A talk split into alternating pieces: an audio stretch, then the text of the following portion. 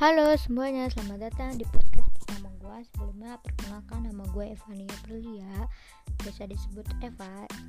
Sebelum gue mulai, gue, gue ingin menjelaskan tentang tips belajar bahasa Inggris. Sebelum gue mulai nih, gue mau menjelaskan gue bikin podcast kayak gini bukan merasa gue jago bahasa Inggris. Gue cuma mau sharing ke kalian bagaimana sih cara belajar bahasa Inggris menurut gue gue di sini akan men akan menceritakan tentang tiga metode.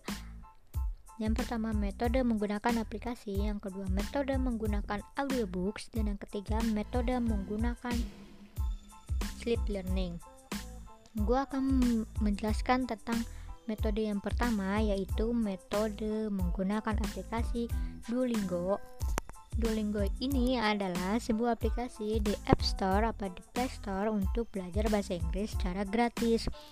Di aplikasi ini sangat membantu gua untuk memperkaya kosakata, konstruksi kalimat, dan komunikasi untuk bertanya. Nih, di sini gua akan menjelaskan cara mendownload Duolingo sangat gampang loh.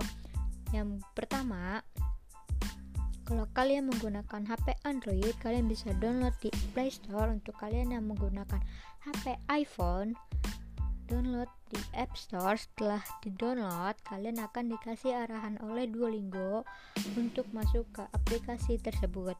Selanjutnya, kalian akan disuruh pilih bahasa yang kalian gunakan karena di dalam aplikasi Duolingo terdapat banyak bahasa-bahasa asing lainnya. Contohnya kalian mau, belajar bahasa Korea, kalian pilih bahasa Korea.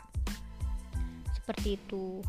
Oh iya, di sini gue juga men mau menceritakan tentang kalian tentang metode yang kedua yaitu metode audio audiobooks selain menggunakan aplikasi gue juga sering menggunakan audiobooks. Tadi gue habis dengerin audiobooks tentang learn English Third Star gue suka gue suka gue suka karena membiasakan indera pendengaran gue dengan bahasa Inggris. Selain audiobooks gue juga membiasakan indera pendengaran gue dengan sleep learning Kenapa sih gue sering menggunakan sleep learning? Karena gue suka mendengarkan daripada menonton. Sleep learning apa sih? Aplikasi sleep learning adalah belajar sambil tidur. Jadi menurut gue mendengarkan bahasa Inggris sambil tidur lebih tenang dan masuk ke otak. Pengalaman gue memakai satu aplikasi dan dua cara itu sangat menyenangkan. Kalau bosan pakai Duolingo, gue pakai audiobooks kalau gue bosan pakai audiobooks gue pakai sleep learning. Pendapat gue lebih cepat bisa bahasa Inggris sih. Uh, kalau kalian mau mau pakai prinsip gue juga boleh. Prinsip gue tuh bisa karena terbiasa.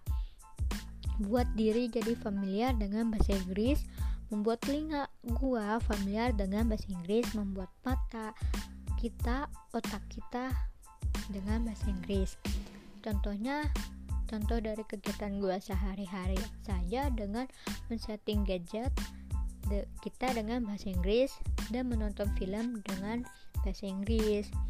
Uh, menurut gue, kalian bisa menggunakan tiga metode gue dan menggunakan prinsip gue itu untuk terus belajar bahasa Inggris.